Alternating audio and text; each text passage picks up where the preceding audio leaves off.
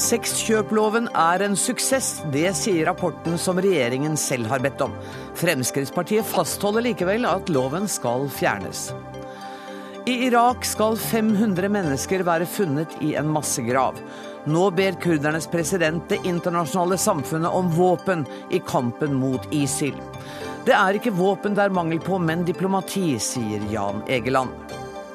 Mange tusen medlemmer av den religiøse minoriteten jesidi er isolert under kummerlige forhold på Sinjar-fjellet. Vi er livredde for å bli utryddet én gang for alle, sier norsk jesidisk kvinne.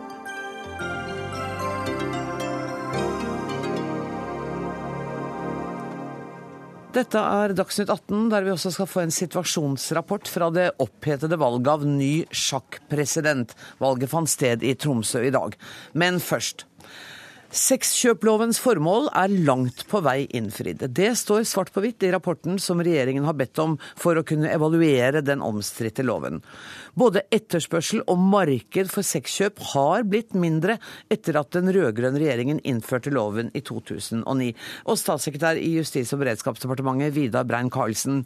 Etter at denne rapporten blir lagt fram i dag, så er det vel vanskelig for dere å fastholde standpunktet om at loven skal oppheves? Jeg har ikke tenkt oss å trekke noen konklusjoner om det i dag. Altså, jeg er veldig opptatt av at vi skal finne ut av for det første hvordan eh, menneskehandel har blitt påvirka av den nye loven. Det var et veldig viktig argument da den uh, kom. I tillegg så ble det gitt sterke advarsler om hvordan situasjonen for de damene som er med i prostitusjon, uh, hvordan deres situasjon vil komme til å bli med et sånt forbud. Det også må vi gå dypere inn i. Begge delene er berørt i denne eh, rapporten, og, vi kommer til å gå dypt eh, inn i det. Og etter hvert eh, utarbeide stortingsmelding om hele temaet. Men, men du, altså, den rapporten er, Konklusjonen er på fire sider, ikke veldig vanskelig å få lest. Hvorfor kan dere ikke mene noe på bakgrunn av det som er helt tydelige konklusjoner i denne rapporten? Jo, den, eh, hvis du sikter til konklusjonen om at eh, har gått ned, så er det for så vidt Den er veldig, veldig tydelig.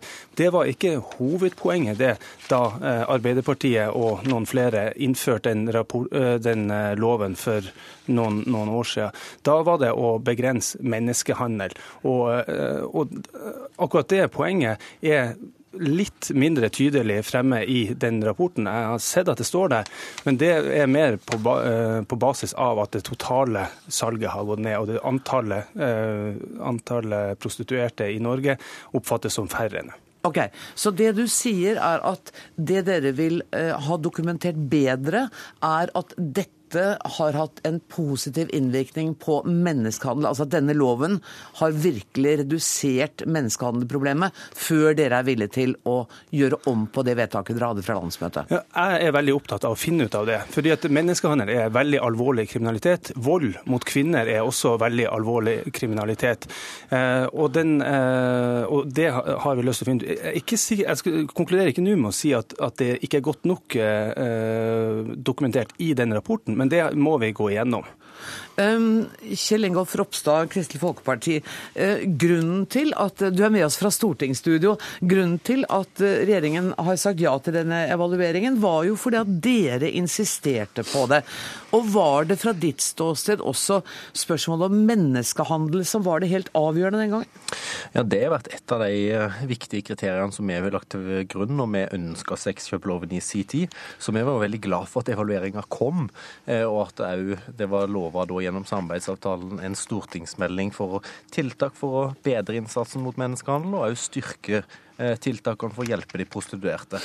Så, så jeg, Det har vært absolutt viktig. og jeg må jo si at eh, Sånn jeg leser rapporten og sånn den blir presentert, så er det jo veldig tydelig at etterspørselen ville vært mye større dersom loven ikke hadde vært der. Mm. Det anslår jo selvsagt usikkert at det kanskje kunne vært så mye som 45% flere enn det var i 2008, før loven kom, ja. sammenlignet med at det nå sier 20-25% under det som var på, det, eh, på den tida. Så ut ifra det så vet vi at det er færre Eh, når etterspørselen er lavere, så vil det være færre prostituerte enn det ville vært. Og da vet vi jo at det ville vært færre, eller da er det blitt færre offer for menneskehandel enn det det kunne vært. Men det er vel det statssekretæren ikke er helt sikker på? da. Altså, det er færre uh, prostituerte, men det er ikke sikkert at det er færre som er utsatt for menneskehandel? Er det det du mener? Ja, det er det, som, ja, det er det som er mitt poeng. Altså, jeg er veldig opptatt av å finne ut den forskjellen. For det høres ut som Kjell Ingolf Ropstad nå trekker ned et likestegn mellom prostituerte og utsatte for menneskehandel. Våres eh, Fremskrittspartiet, Høyre og Venstre sitt utgangspunkt når vi har vært imot denne loven, det er jo at noen gjør det her frivillig. Og det er ikke et stort poeng å skal, å skal straffe noen i en sånn frivillig greie som, som det ingen blir eh, skada av. Og så er jeg jo enig med Kjell Ingolf Ropstad at en del som er prostituert, også er utsatt for menneskehandel. Og det er en veldig viktig oppgave for oss å gjøre noe med. Men man trenger ikke da å, å straffe de som ikke er en del av det. Men Ropstad, for dere har det vel vært et selvstendig poeng at man skulle redusere prostitusjonen som sådan, menneskehandel eller ikke? Ja, og, og for oss er det et utgangspunkt i, i, menneskesyn, som jeg vil si det. Det handler om verdier òg. Det at en har et samfunn der en hvis en fjerner loven, som, som politiet eller statsadvokaten har sagt, at det vil være å signalisere at butikken er åpen, mm. eh, og at kvinnekroppen er til salgs, eller menn som, som da selger sex, er til salgs. Noe som er et, eh, et et syn på, på, på, kvinner og menn som vi ikke ønsker å signalisere. Og, og vi ser jo at loven òg er holdningsskapende. sånn at blant unge så er det mange færre som kjøper eller ønsker å kjøpe sex og syns det er greit, enn det er blant eldre. Mm. Så derfor, når en ser på den sexjobbloven som har virka i Sverige over lengre tid, så er det jo tydelig på at den har normgivende effekt, som vi òg syns er viktig, i tillegg til det med menneskehandel og hjelpe de prostituerte. Tro det eller ei, vi har med et par kvinner i denne debatten også. Jette Christensen, Arbeiderpartiet. Dere sitter bare og sier hva var det vi sa dere i dag? Nei, vi sitter og leser rapporten. Um, og siden statssekretæren her etterspør klarere um, Eh, belysning av det med menneskehandel, så står jo det ganske klart i konklusjonen. Der står det sitat Norge har blitt mindre attraktivt for prostitusjonsbasert menneskehandel. Det er ganske eh, klart, sammen med de andre konklusjonene. Fordi at når vi innførte sexkjøpsloven sammen med hjelpetiltak overfor de prostituerte, var det en av eh, eh, de viktigste momentene, samtidig som vi ville eh, få ned kundegrunnlaget. Begge deler er eh, virker loven etter sin hensikt, i tillegg til at det er normgivende. Og når man har det bildet sammen med representanter representanter fra politiet som sier Sexkjøpsloven er et ekstremt viktig verktøy for oss til å bekjempe menneskehandel. I tillegg sier også politiet eh, at dette her er viktig for oss eh, når vi skal lage normer, når vi skal lage holdninger. Eh, og Derfor så syns jeg det er veldig underlig, denne ubegrunna skråsikkerheten som Høyre og Fremskrittspartiet har gått inn i denne debatten her eh, helt siden starten av. Denne eh, rapporten den var jo bare en parentes. De hadde bestemt seg på forhånd. De. Her skulle det fjernes lov. Men nå virker loven. Mm. Eh, hvorfor vil man da stå fast på et standpunkt som er viktig for å bekjempe menneskehandel, eh, som er viktig eh, for å skape eh, normer. Og så stiller jeg spørsmålstegn ved at begge to regjeringspartiene i dag eh, i ulike debatter i eh, NRK har sagt at prostitusjon er en avtale mellom to samtykkende mennesker. Det er så fjernt ifra det virkelighetsbildet eh, som prostitusjon er i dag, at det er skremmende hvis det er det som ligger til grunn for utviklingen av justispolitikk i Norge. Uh, Iselin Nybø, du er justispolitisk talskvinne for Venstre. Du har tidligere kalt sexkjøploven for en sovepute. Eh, hvordan ser du på det utsagnet i dag i lys av den rapporten som er kommet? Eh, Venstre har jo over lang tid eh, og over mange år vært opptatt av forholdene som de prostituerte lever under. Og Det er det som har vært vårt ærend i denne debatten. Så er det sånn at Den rapporten som ble offentliggjort i dag, den viser jo en positiv trend på mange områder. og Det er vi selvfølgelig glad for i Venstre. Men det som vi òg hadde håpet, var jo at han skulle vise at vold og trusler mot de prostituerte hadde gått ned. Eh, det som rapporten sier, er vel at man ikke kan man, man kan ikke slå fast at han har økt, men Nei. man kan liksom ikke slå fast at han har gått ned heller. Og det er det som har vært vårt ankepunkt. Er men unnskyld meg, er, er, det en grunn til at dere da vil oppheve loven? At den rapporten ikke kan dokumentere godt nok at det ikke har blitt mindre vold overfor de prostituerte? Nei, Venstre var imot denne loven når han ble innført, nettopp på bakgrunn av at vi frykta at de prostituerte skulle få, skulle få det verre, at det skulle bli tøffere, at de skulle måtte gå under jorda osv. osv. Men det har de da ikke fått? De har ikke fått det verre? Nei, nei det, men de har ikke fått det bedre heller. Og det er det som vi har stilt spørsmålstegn med om denne loven er i sovepute. For jeg mener, og Venstre mener, at vi har ikke gjort nok eh, for de prostituerte. Eh, og det, det, må vi bli bedre på eh, framover. Enten vi beholder loven eller ikke, så må vi sette i verk sosiale tiltak overfor de prostituerte som gjør at de kan få seg utdanning, få seg jobb, eh, komme vekk fra rus. Dette er langsiktige tiltak som faktisk krever en ganske stor innsats fra samfunnets side, og det må vi være villige Eh, til å, å, drøfte, og det må være villig til å i mye større grad gå inn på. Men hva syns du, bør loven oppheves? Jeg synes at uh, nå, nå, har vi fått en veldig viktig stemme inn i denne debatten. Jeg synes uh, Denne rapporten viser at det har vært positive trender med Ja, det sa du. Men, nå, men syns ja, nå, du at loven bør oppheves? Jeg synes at det er en del av den debatten vi må ta når, når regjeringen legger fram den stortingsmeldingen.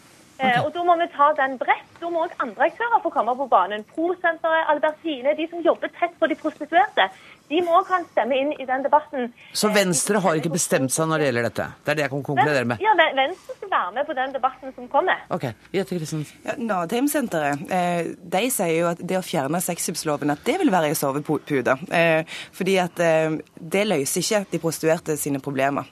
Det er en ting å være imot å innføre en lov, men en annen ting å være for å oppheve en lov der man ikke aner konsekvensene av å oppheve den. Hva skjer hvis Norge sier vi angrer, vi åpner butikken igjen?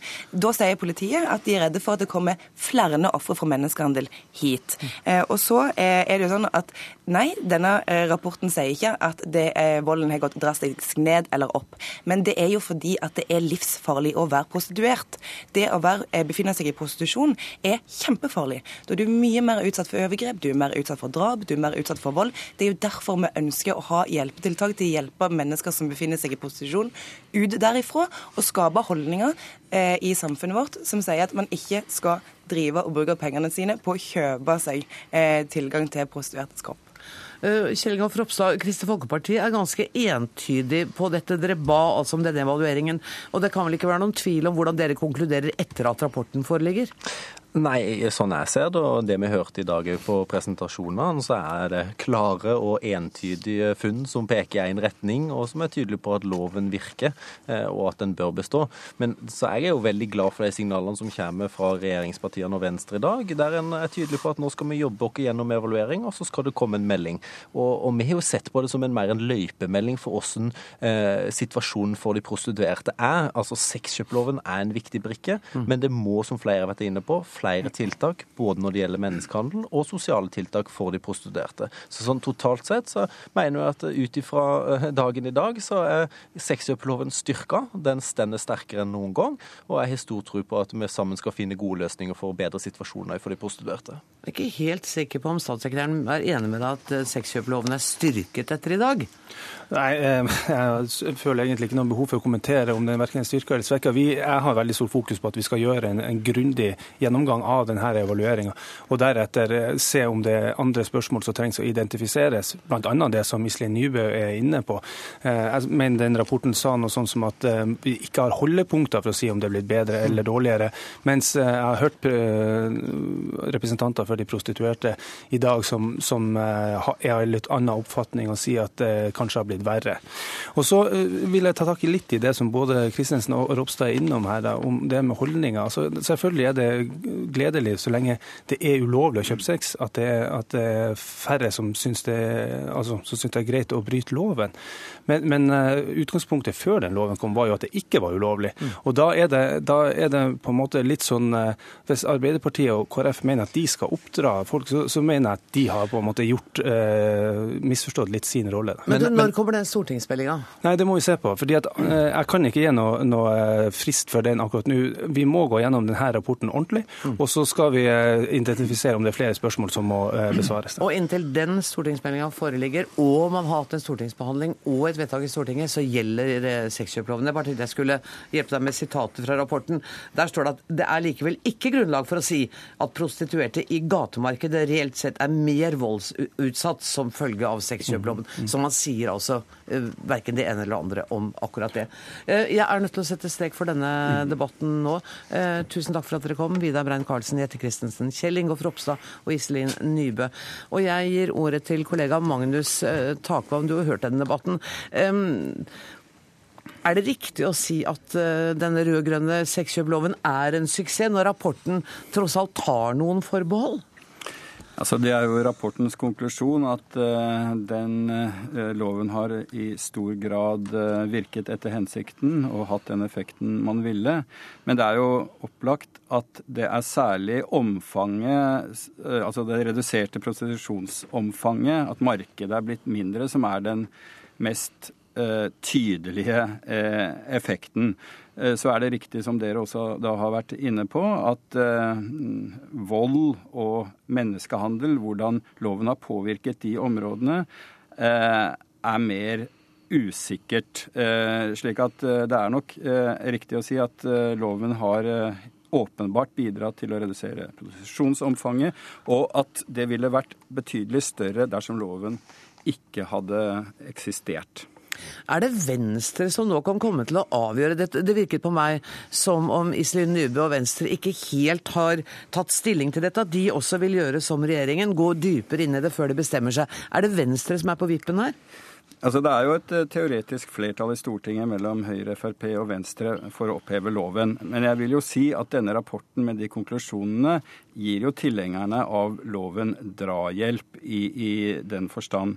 Og så tror jeg det er riktig også, som dere har vært inne på, at det er eh, en høyere terskel for å oppheve en lov enn det å la være å innføre den når den er til vurdering. Ikke sant? Jeg tror nok en del vil oppfatte det å oppheve forbudet mot å kjøpe sex som en slags legitimering av det, selv om det naturligvis ikke er disse partienes uh, uh, vurdering. Slik at mm, terskelen da for å, for å fjerne loven er, er høyere. Og jeg, jeg, jeg, tror nok tilhengerne av loven har, har mest grunn til å være fornøyd i dag. Men tror du at det kan komme til å uh, komme flere rapporter? Fordi at det er jo på enkelte områder man syns at uh, dokumentasjonsgrunnlaget er litt for svakt. Både hva gjelder vold mot kvinner uh, og hva gjelder en del statistikk. Tror du regjeringen kommer til å nedsette flere utvalg? Jeg vet ikke om de eh, vil sette ned flere utvalg, men det er på de to områdene uh, statssekretæren her har fokusert mest også, der han er, er uh, ikke så overbevist av, av, rapporten. Og det er klart at Spørsmålet om menneskehandel f.eks., der sier vel rapporten at den viktigste skal vi si, eh, reduseringen av menneskehandel er det faktum at markedet blir mindre. Det blir mindre attraktivt da å, å drive med prostitusjon i Norge, og at det indirekte får den virkningen at man da ikke får det omfanget av menneskehandel. Så det er klart det er en analyse som, eh, som utvalget har. Takk skal du ha i denne omgang, Magnus Takvam. Jeg håper du blir sittende i stortingsstudio, så vi kan snakke sammen om litt andre saker eh, nærmere slutten av sendinga. Dagsnytt 18 alle hverdager klokka 18. På NRK P2 og NRK2.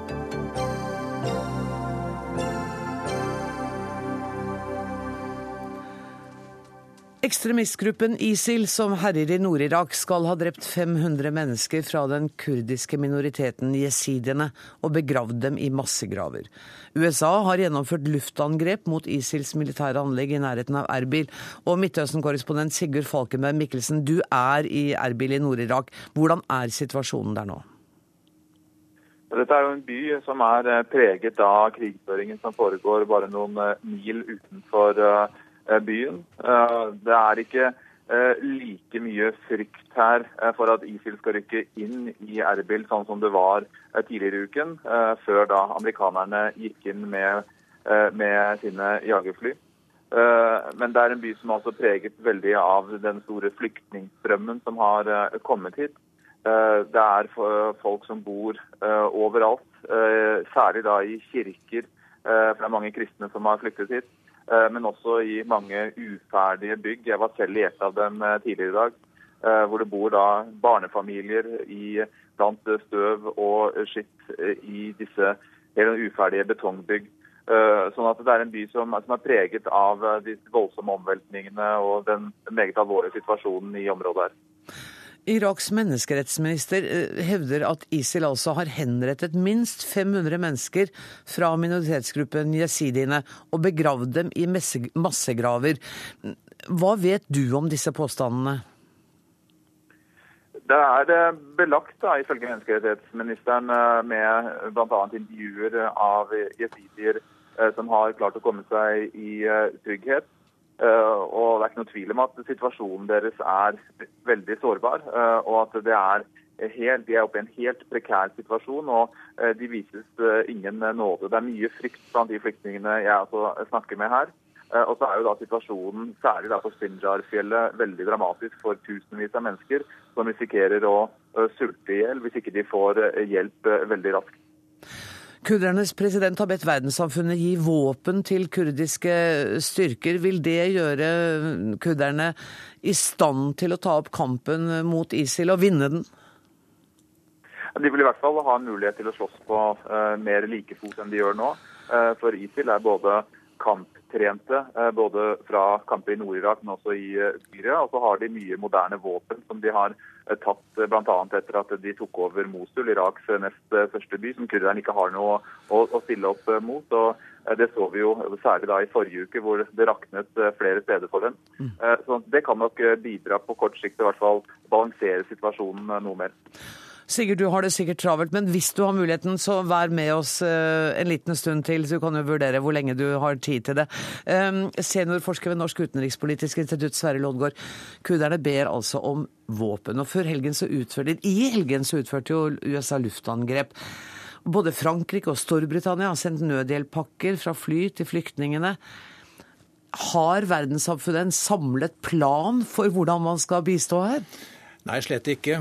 Um, alle stater, både i og utenfor regionen, er jo imot ISIS. Uh, og hadde det ikke vært for uh, bombingen av Libya, uh, som vanskeliggjorde videre samarbeid i Sikkerhetsrådet, så kunne vi kanskje fått en FN-autorisert operasjon for beskyttelse av etniske og religiøse minoriteter. For ISIS farer jo så hardt frem at Du sier ISIS, jeg sier ISIL, ja, men det er samme Hvis vi snakker om samme sak, Ja, den iranske staten, kunne vi også sagt. Ja. Eh, De farer jo veldig hardt fram overfor alle annerledes troende og alle annerledes tenkende. Men eh, så langt eh, så eh, treffer altså ulike aktører tiltak hver for seg. Eh, Det er veldig lite samlet eh, plan over det. Eh, Men eh, nå er jo altså disse mottiltakene eh, ganske ferske, og vi får jo da se hva det, hva det blir til. Generalsekretær i Flyktninghjelpen Jan Egeland, hvordan vil du vurdere den humanitære situasjonen? Hørte vi Sigurd Fagerberg Mikkelsen si at i Erbil er det nå mange flyktninger, de lever under vanskelige kår. Hvordan er det? Ja, vi har 75 hjelpearbeidere aktive i området, i Erbil, Dohuk og en rekke andre steder i dette området. De er fullstendig overveldet over det som har skjedd. Siste åtte-ni dager 200 000 nye flyktninger. Eh, knyttet til alt det som har skjedd rundt Sinjar-fjellene og jesidiene. Eh, på ni siste uker etter Mosuls fall 850 000 nye flyktninger. Fra årets begynnelse, da ingen var spesielt interessert i å se på krigen i Anbar i Irak, har det vært 1,4 millioner nye flyktninger, som altså kommer i tillegg til 9 millioner mennesker som er drevet fra sine hjem i nabolandet Syria. Så vi er nødt til å se dette i sammenheng med Syria. Absolutt. Det er eh, på mange måter en svær operasjon nå, slik også IS, som vi kaller det for, altså det siste navnet på ISIL og, I, og ISIS. Det er jo en organisasjon som går på tvers av grensene. Det gjør flere andre organisasjoner, herunder de kurdiske organisasjonene. Og vi jobbet for 200 000 flyktninger fra Syria som hadde kommet til Irak. Nå flykter folk fra Irak til Syria. Det er egentlig en enorm katastrofeområde som vil, være, vil vel komme mer og mer ut av kontroll dersom ikke verdenssamfunnet kan komme inn med eh, tiltak som kan få ned voldsnivået, og som kan få opp det humanitære arbeidet. Ja, for, og Nå er du representant for Flyktninghjelpen, og vi skal snakke om det humanitære arbeidet. Men det er også interessant det som Lodgaard sier, at FN på en måte er maktesløse etter eh, denne Libya-aksjonen. Så har det gjort at nå kan ikke FN gjøre noe? Ja, FN og hele verdenssamfunnet har vært veldig handlingslammet siden fra Syria-konfliktens begynnelse. Syria er den største humanitære katastrofen siden 1990-tallet. I tillegg kommer nå i Irak-katastrofen og Li, eh, Libanon, som også dras inn i dette her. Så det er en forferdelig farlig utvikling i hele Midtøsten. Og FN, Sikkerhetsrådet, sitter handlingslammet. Libya er én av forklaringsfaktorene. Det er generelt nå isfront mellom eh, Russland og USA, og de som blør og dør, er sivile, f.eks. i Nord-Irak. Men Lodgaard, er det et voldsomt nederlag for FN å være fullstendig impotent, for å bruke det ordet, i forhold til en sånn katastrofe som dette? Ja, det er klart det er det. Um, og det kommer jo da på toppen av det som skjer i, i Syria. Nå tror jeg at um, eh, de tiltakene uh, som USA har truffet uh, for å beskytte Kurdistan Det satt langt inne for den amerikanske presidenten naturligvis å gjøre hva han nå gjør. Men jeg tror det i denne situasjonen i øyeblikket var nødvendig for å hindre at katastrofen skulle få et enda større omfang. Mm. Men så finnes det jo også en eh, uhyre viktig militær eh, politisk dimensjon uh, i dette. For i dag fikk vi altså melding om at det antagelig er ny statsminister i Bagdad. Og hvis det er riktig som meldingene sier, at al-Sistani, Iraks religiøse leder, og Iran Eh, har bedt al-Maliki om å gå, ja, så er han nok eh, ute. Mm.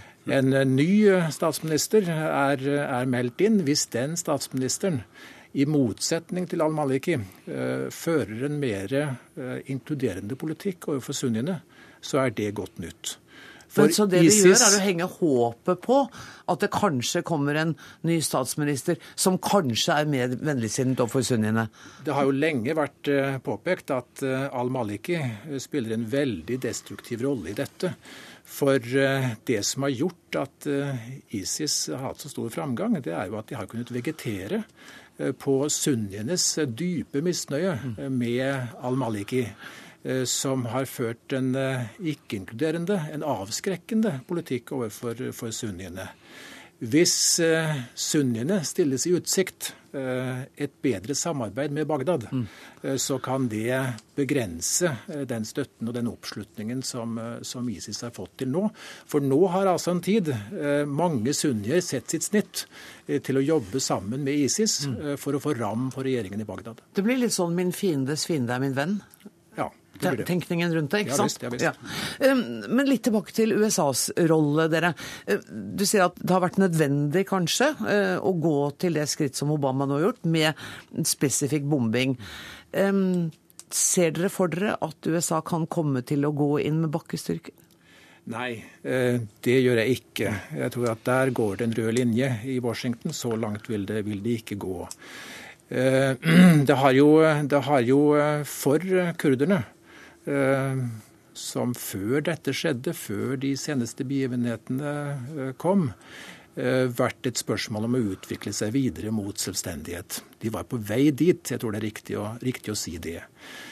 Så har de ikke hatt tyngre våpen tidligere. For USA ville ikke gi dem det, fordi at det ville underminere regjeringen i Bagdad. Mm. Eh, det er det som denne akutte humanitære situasjonen altså har gjort en forandring på. Eh, nå er altså våpenstøtte til kurderne på, på vei.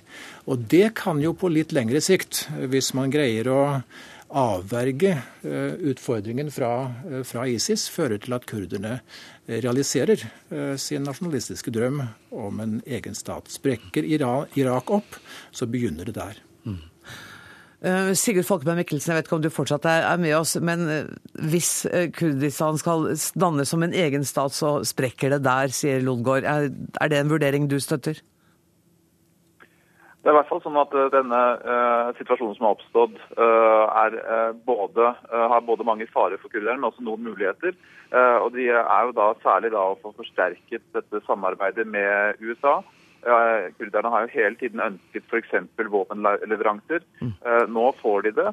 Eh, og med det også et eh, bedre politisk spillerom. Men samtidig så er de jo også veldig presset her og oppe i en farlig situasjon. Både for sin egen militære styrke, men også for de innbyggerne de er satt til å, å passe på. Mm. Jan Egeland, det er ikke så veldig mange år siden jeg intervjuet deg hvor du sa at vi må se at det er noen positive skritt i verden. Det er, det er færre kriger, det er forholdsvis sett mindre fattigdom. Nå er den situasjonen i ferd med å snu. Er den ikke det? Altså det, det som dessverre har stanset, det er fredens frammarsj i verden. Jeg kan ikke huske i mine 30 år som hjelpearbeider eh, en verre periode enn disse siste 18 månedene. Eh, med Irak, Syria, med Sør-Sudan, med Sentralafrikanske republikk, med Afghanistan og Pakistan. Eh, eh, Mali og andre glemte konflikter på toppen av det. Somalia har forverret sin situasjon. Ingen legger merke til det, osv. Det er for mange kriger samtidig.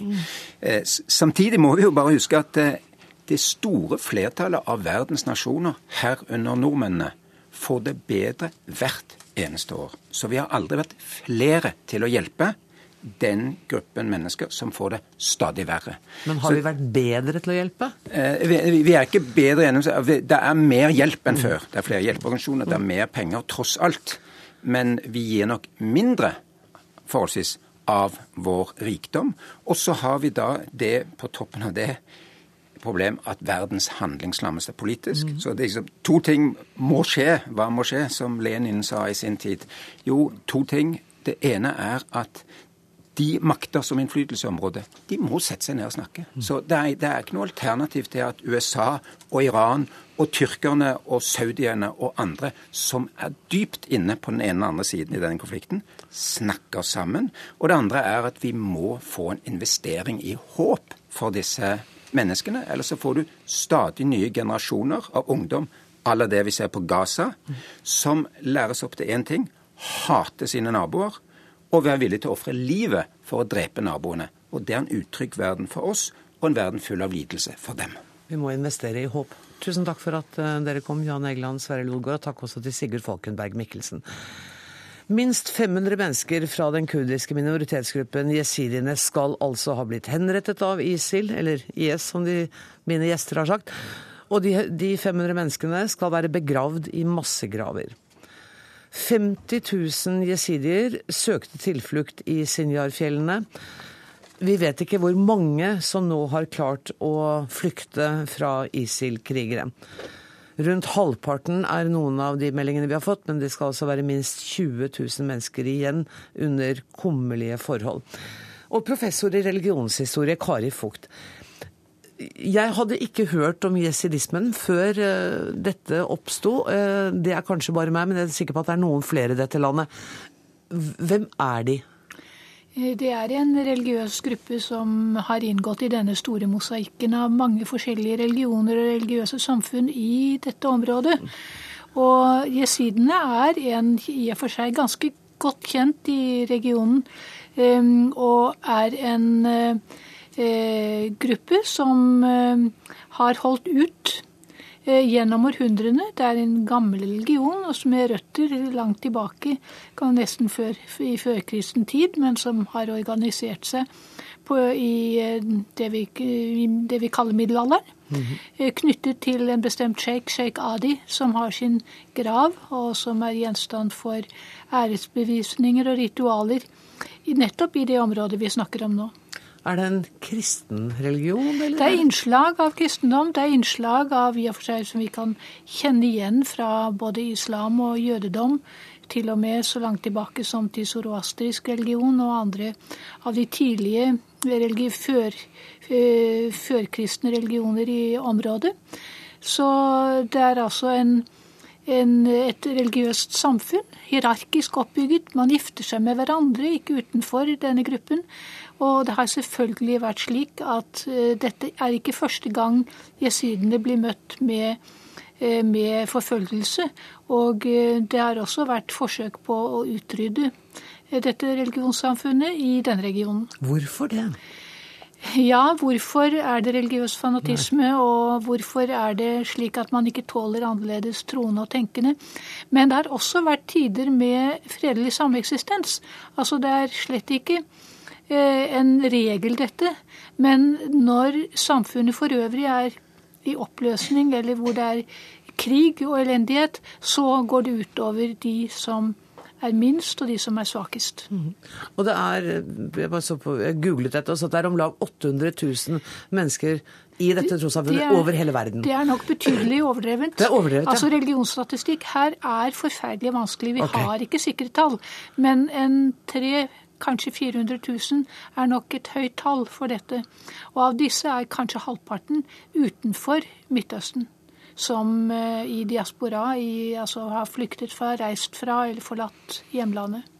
Og en av dem er deg, Revin Aswad. I Norge sa du det er om lag 350 Der sa du 250 mennesker? Nei, sånn ca. 350. 300. Ja. Eh, Og du tilhører denne jesidiske folkegruppen. Og du har slekt, familie, som har søkt tilflukt på Sinjarfjellet. Ja. Eh, Har du hatt kontakt med dem i det siste? Eh, Det er eh, mannen min som kontakter de, og han har snakka helt siden denne humanitære katastrofen har skjedd.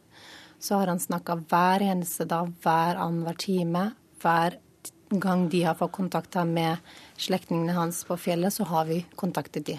Hva forteller de? De forteller de grusommeste, de verste marerittene en kan oppleve. Veldig De forteller at det er mennesker, barn, flere titusen mennesker som sulter i hjel på fjellet uten tilgang til mat og drikke. De ser grusomme ting som skjer med slektningene deres, naboene, venner. De ser folk som blir halshugd, de ser kvinner som blir voldtatt rundgang på rundgang. De ser mennesker som er halshugd, menneskehodet et eller annet sted og kroppen et eller annet sted kasta. De ser blod flyte, barna skriker i hjel og ber om å rope på mat. Men er, de har ikke noe eh, mat og ikke drikker ingenting, så det er flere, flere mennesker for hver time som dør uten, av- eh, uten mat og tilgang til vann og drikke. Men nå har det vært åpnet en slags korridor, sånn at noen kommer seg ut av denne lommen hvor de har vært omgitt av Ja, ISIL-styrker. men det er ikke alle som kan det, for fjellet er såpass stort. Den er fra ca. 60 til 70 km lang, og så ca. 5 til 10 km bred og 1300 høy, meter høyt. Det er groper og det er veier. Det er ikke noen sånn ordentlige veier som de kan eh, eh, gå til fots gjennom det fjellet, så alle sammen er spredd over hele fjellet. Så det er et ganske stort fjell. Til og med de som er oppe i fjellet, er blitt eh, fraspilt fra hverandre. Familiene deres er på fjellet, men de vet heller ikke hvilken side av på fjellet de er. Om de, over, de lever fortsatt, eller om de er døde. eller det er ikke alle som har tilgang til den korridoren. Det er flere tusentall som er fortsatt på fjellet, som ikke kan få tilgang. Fordi så fort ISIL-gruppen ser at noen, eh, noen av de folka har samla seg og skal gjøre et eller annet, kanskje få tak i litt vann eller et eller annet sånt, så angripes de av ISIL. Så de tør ikke å samle seg i en liten gruppe engang. Så de er under konstant uh, trussel om å bli drept eller for Ja, kvinnene de voldtatt, eller Ja, ja. Fram til nå, dette minuttet også. Eh, Din manns familie er nå på flukt, ikke sant, fra dette stedet. Min manns familie er oppi dette fjellet. De er oppe i det fjellet. Ja. Men, og prøver å komme seg til Syria. prøver å komme seg gjennom den korridoren og så Ja. inn til Syria og så bli reddet da.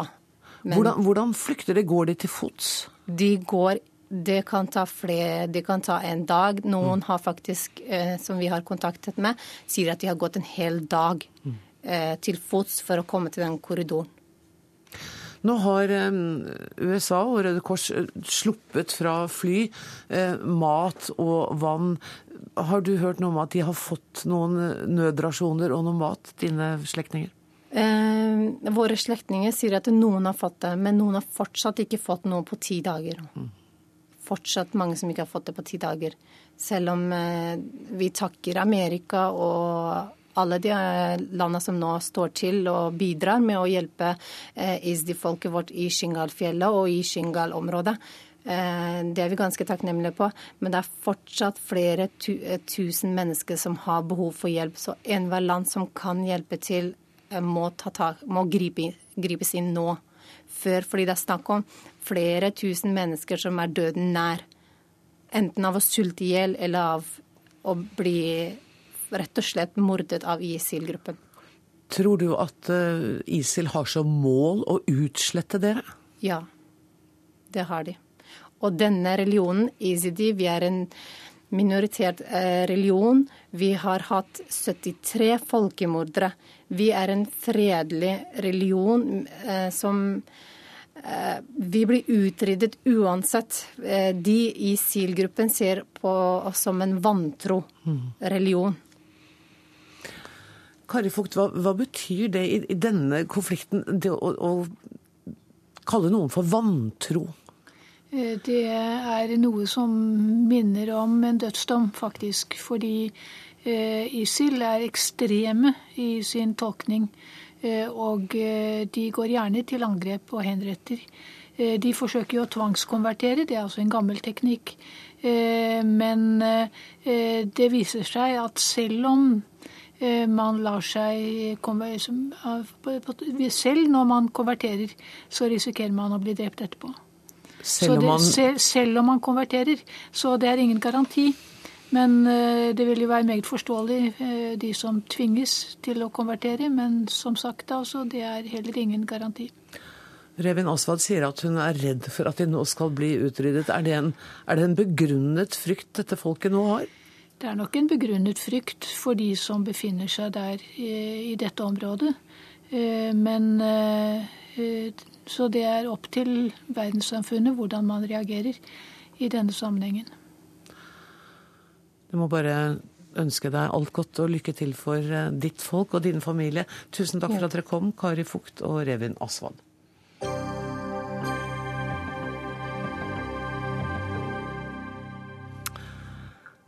Før vi går videre, så skal jeg bare si at om et par-tre minutter så blir det sjakk på denne TV-kanalen, altså på NRK2. Så hvis du har lyst til å følge med på hva som skjer i Dagsnytt 18 videre, så må du over på nrk.no eller på P2. Og det skal eh, Jeg sa det skal dreie seg om sjakk på denne kanalen om noen minutter. Det skal dreie seg om sjakk eh, her og nå også. For eh, omstridt sjakkpresident ble nemlig gjenvalgt på en turbulent generalforsamling i Tromsø i dag. Kirshan Ilyumikov har vært president i Det internasjonale sjakkforbundet i 19 år, og har altså nå fått tillit for de neste fire årene også. Mats Nyborg Støstad, du er reporter i NRK.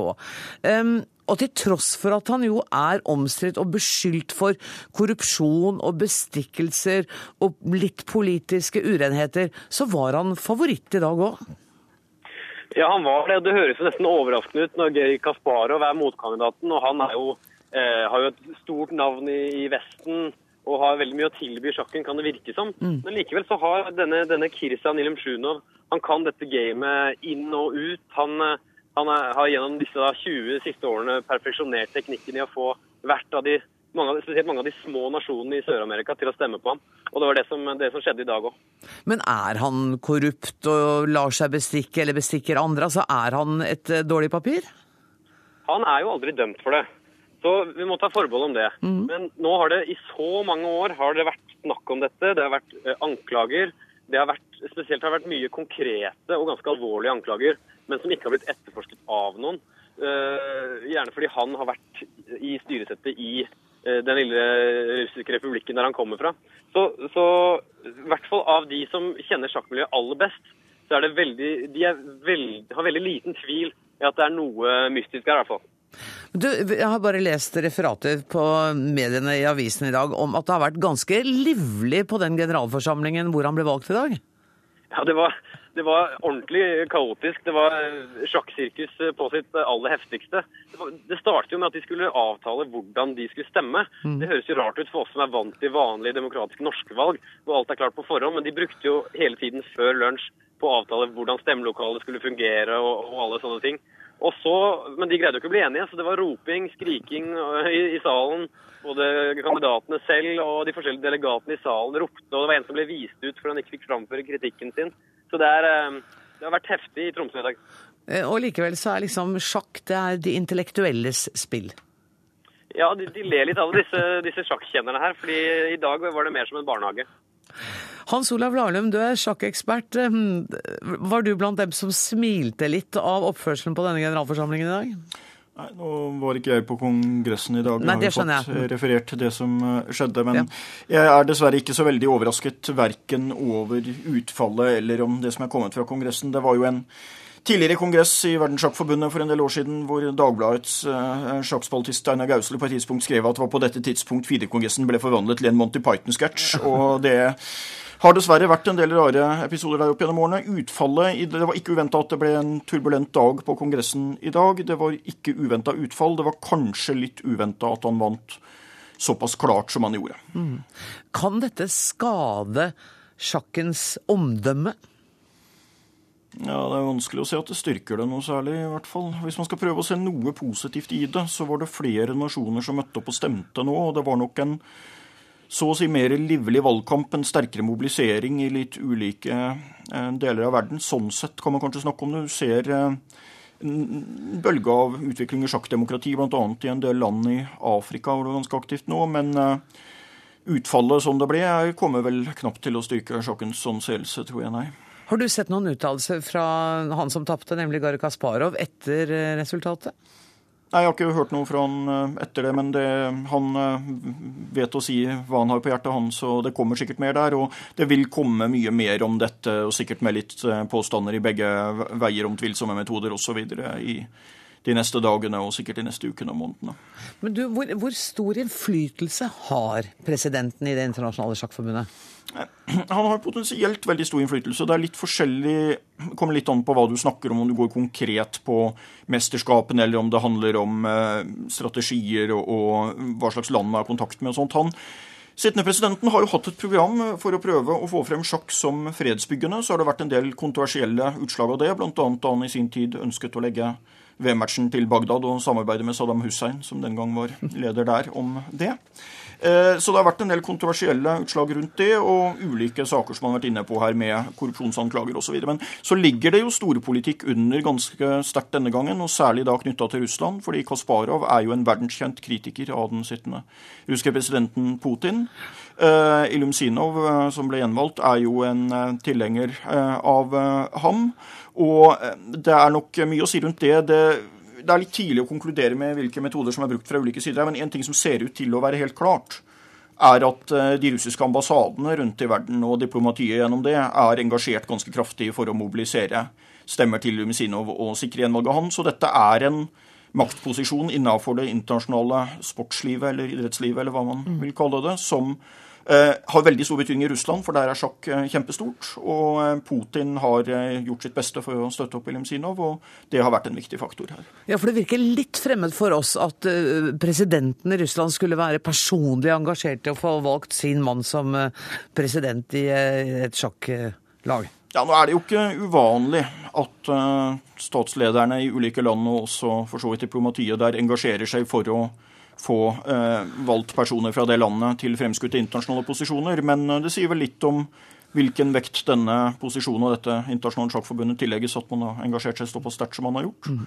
Og det er selvfølgelig mye å si om det i forhold til både Russland-Ukraina-konflikten, som jo er et tema også her. De driver fortsatt og krangler om en spiller som nå spiller på det russiske laget, som spilte på det, var, anmeldt, var påmeldt for det ukrainske laget. Så det er klart det er noen undertoner der, og det handler en del om utviklingen internt i Russland og posisjoner der også. Mats Nyborg Støstad, la oss bare helt til slutt få en litt sånn oppdatering på det som dette handler om, nemlig mesterskapet i sjakk. Hvordan, har, hvordan er Norges stilling for tida? Nei, nå har jo Norge sviktet litt i noen avgjørende kamper. og så Sist jeg sjekket, så lå Carlsen godt an, men nå må jeg innrømme at jeg har vært eh, så opptatt av eh, sjakk-kaos i dag at eh, jeg rett og slett ikke har greid å følge med. Så hektisk har det faktisk vært. Kanskje Lahlum har klart å følge med bedre? Ja, Der er det et stort drama som pågår. Det skjedde jo det helt utrolig at det norske andrelaget har gjort en fantastisk turnering og ble satt opp mot Russland, stjernelaget som er topprangert i dag. og Den matchen sto 1,5-1,5, ganske sensasjonelt da jeg dro, men det så vel ut som Russland skulle vinne det siste parti å dra inn kampen. Men der har det vært en skuffelse for Russland. For det russiske stjernelaget har, eh, kommer ikke til å vinne dette. Vi får se om Norge fortsatt kan kjempe om en plass på topp ti, men det ser vel ut som eh, det er det man eventuelt må prøve på. At det har vært et litt skuffende alt i alt for det norske førstelaget. Men det kommer flere mesterskap, og Norge har mesterskapet også vist at Norge har mange flere unge talenter på gang enn Magnus Carlsen. Så på brettet kommer vi i hvert fall sterkt tilbake. Ja, vi får dyrke optimismen. Mats Nyborg Støstad, jeg har en følelse av at du har mer lyst til nå å gå og se på sjakken eh, og fortsette å snakke i Dagsnytt 18. Tusen takk for at dere var med, begge to. Hans Olav Lahlum og Mats Nyborg Støstad.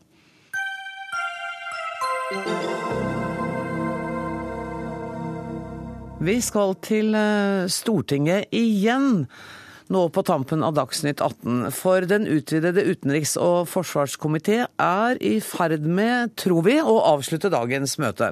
Både statsminister, stats, flere statsråder, politiledere har bl.a.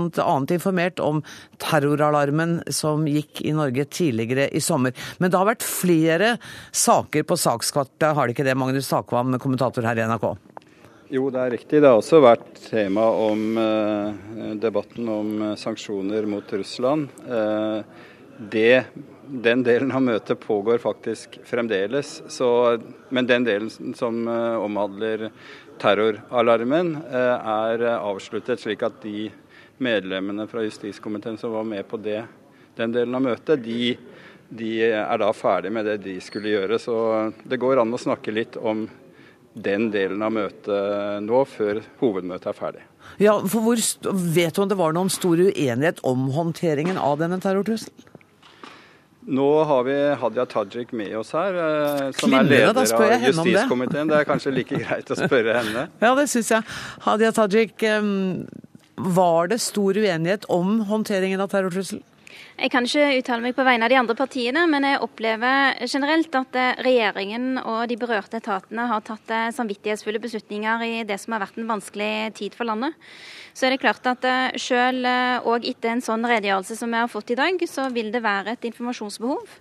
Det handler jo òg om at det ikke er mulig å gjennomgå og evaluere alle delene av håndteringen på en tilfredsstillende måte på såpass kort tid. Men jeg opplever i aller høyeste grad at regjeringen òg er opptatt av å få fakta på bordet her og ha de nødvendige gjennomganger som må til. Ehm, synes du at eh, den lovgivende forsamling ble godt nok informert?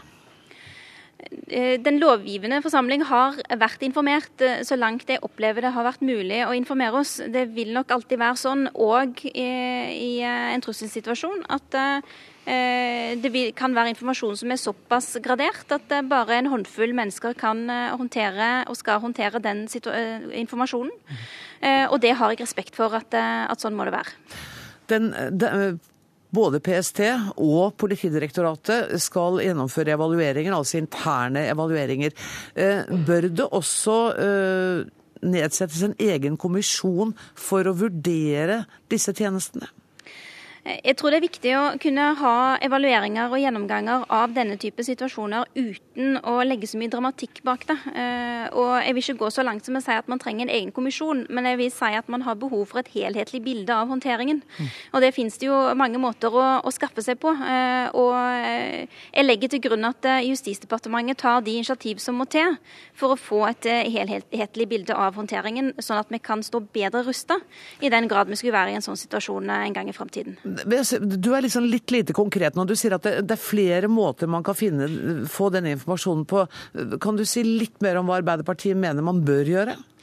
Vi mener at det er viktig å ikke legge noen dramatikk bak dette, i hvert fall. Fordi mm. vi må kunne som, som, land dra lærdom av håndteringen av en sånn situasjon, uh, uten at man gjør det til en granskning. Mm. Uh, jeg opplever at de som jobber i disse etatene sjøl, i politiet, i Forsvaret, at de står i fremste rekke for uh, å lære mer, styrke sin kompetanse, finne ut hva det var man ikke håndterte godt nok. og det tror jeg at Justisdepartementet kan gjøre. De kan skaffe et sånt helhetlig bilde. Ja, men, men det om man da hadde sagt at dette ønsker vi å granske, det ligger jo ikke i og for seg noen mistillit mistillitserklæring i det. Ville det ikke vært uh, naturlig å bruke en sånn anledning når man for første gang på 41 år velger å gå ut så tydelig som altså justismyndighetene gjorde i denne saken? Granskning er et eget institutt. Uh, i det ligger det ganske mye dramatikk. Eh, men det å evaluere eller gjennomgå, det mener jeg eh, må være en helt naturlig eh, oppfølging av det faktum at landet har vært i en såpass krevende trusselsituasjon som vi har vært i sommer. EOS-utvalget skal inspisere PST-tjenesten den 21. august. Du at, mener du at EOS-utvalget eh, e da har en særskilt oppgave ved denne inspeksjonen i forhold til de ni andre årlige inspeksjonene? EOS-utvalget har en viktig og vanskelig jobb i alle de sakene de går inn og, og, og, ser nøye på hvordan sikkerhetstjenesten har håndtert saken. Når eh, regjeringen nå sier at eh, vi som land bør være forberedt på at denne type situasjoner kan komme oftere i framtiden. Så det er klart at vi må se på eh, om EOS-utvalget har de nødvendige ressursene som trengs for at de skal kunne følge sikkerhetstjenestene tett i det vanskelige arbeidet som sikkerhetstjenestene her gjør. I kjølvannet av det litt sånn overordnede som vi har snakket om nå, så kommer jo helt opplagt debatten om en eh, daglig bevæpning av politiet. Er Arbeiderpartiet der eh, på glid når det gjelder sitt standpunkt, som jo har vært at dere ikke vil ha en fast bevæpning av politiet? Nei, Arbeiderpartiet mener at det ikke er behov for eh, en generell bevæpning av politiet, sånn at de bærer våpenet på hofta. I dag kan politiet ha våpen i bilen, og da er det lett tilgjengelig i løpet av få sekunder dersom det er behov for det. Men denne situasjonen har jo vist at man altså trenger en bevæpning hyppigere. Og det vil jo, det er jo kommet nå allerede fra andre politiske partier, f.eks. regjeringspartiene, ønske om en generell bevæpning. Og her er jo ikke lenger Arbeiderpartiet da i regjeringsposisjon, eller i flertall i og for seg. Nei, Det er helt korrekt. Jeg opplever jo at regjeringspartiene har vært for generell bevæpning òg før denne konkrete trusselsituasjonen. Men jeg håper jo ikke at man bruker denne trusselsituasjonen i seg selv som et argument for generell bevæpning. For det er nå tross alt sånn at uh, i mesteparten av tiden så har vi en mer eller mindre ordinær trusselsituasjon i landet vårt. Uh, og da, er, da bærer heller ikke det argumentet om at uh, politiet generelt må bevæpnes for å håndtere det. Det er heller ikke noe grunnlag for å si at land der man har generell bevæpning, at det der er mindre kriminalitet eller mer trygghet enn det det er i Norge. Tusen takk skal du ha, Hadia Tajik. Jeg vet ikke om du har eh, Magnus Takvam stående hos deg fortsatt? Jo da, jeg er her, jeg. Ja, det, det, var godt. Det føles alltid trygt, det, vet du. Um, vi, vi, var innom så vidt de andre sakene som skulle behandles av den eh, utvidede utenriks- og forsvarskomité i dag. Er det konflikter knyttet til det andre store poenget som de fortsatt diskuterer, nemlig sanksjonene mot Russland?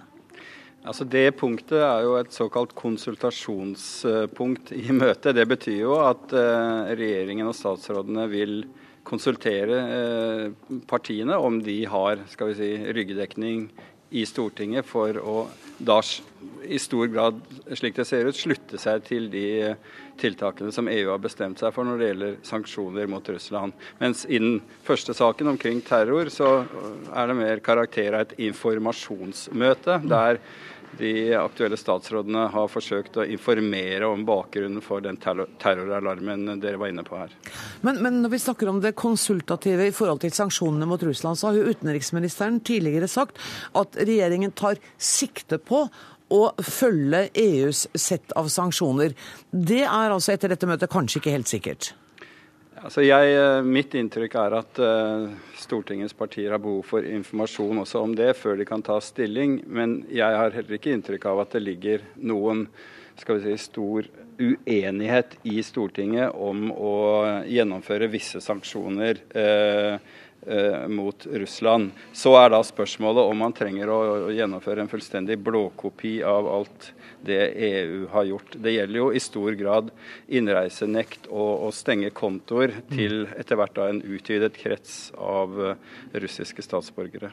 Ja, og, og sanksjonene vil jo også kunne ha negative konsekvenser for norsk næringsliv. Det er klart. Og eh, den prisen er man da nødt til å å godta. Det gjelder jo særlig sjømatindustrien, som dere har vært innom, lakseeksport osv. Eh, og der, eh, så, den må dere regne med å, bli møtt med de mottiltakene som, som Putin og Russland har varslet. Ser det ut til at dette møtet kommer til å vare utover kvelden? Nei, Jeg tror ikke det varer så veldig mye lenger, men det er mer å si når det gjelder det siste punktet. Det tar litt lengre tid. I den første saken så Eh, som, som eh, det gikk fram av intervjuet med Hadia Tajik, så er det begrenset hvor mye informasjon eh, partiene på Stortinget fikk. Tusen takk skal du ha, Magnus Takvam, for at du fulgte med på dette fra stortingsstudio. Før jeg slutter skal jeg bare minne om at NRK Ytring skal ha debatt om Gaza-konflikten på nrk.no klokka 22 i kveld. Der deltar bl.a. FPU-leder Atle Simonsen. Da gjenstår det bare å si at ansvarlig for Dagsnytt 18 i dag var Berit Ytrehus. Det tekniske ansvaret har Frode Thorshaug. Jeg heter Anne Grosvold. Vi høres i morgen.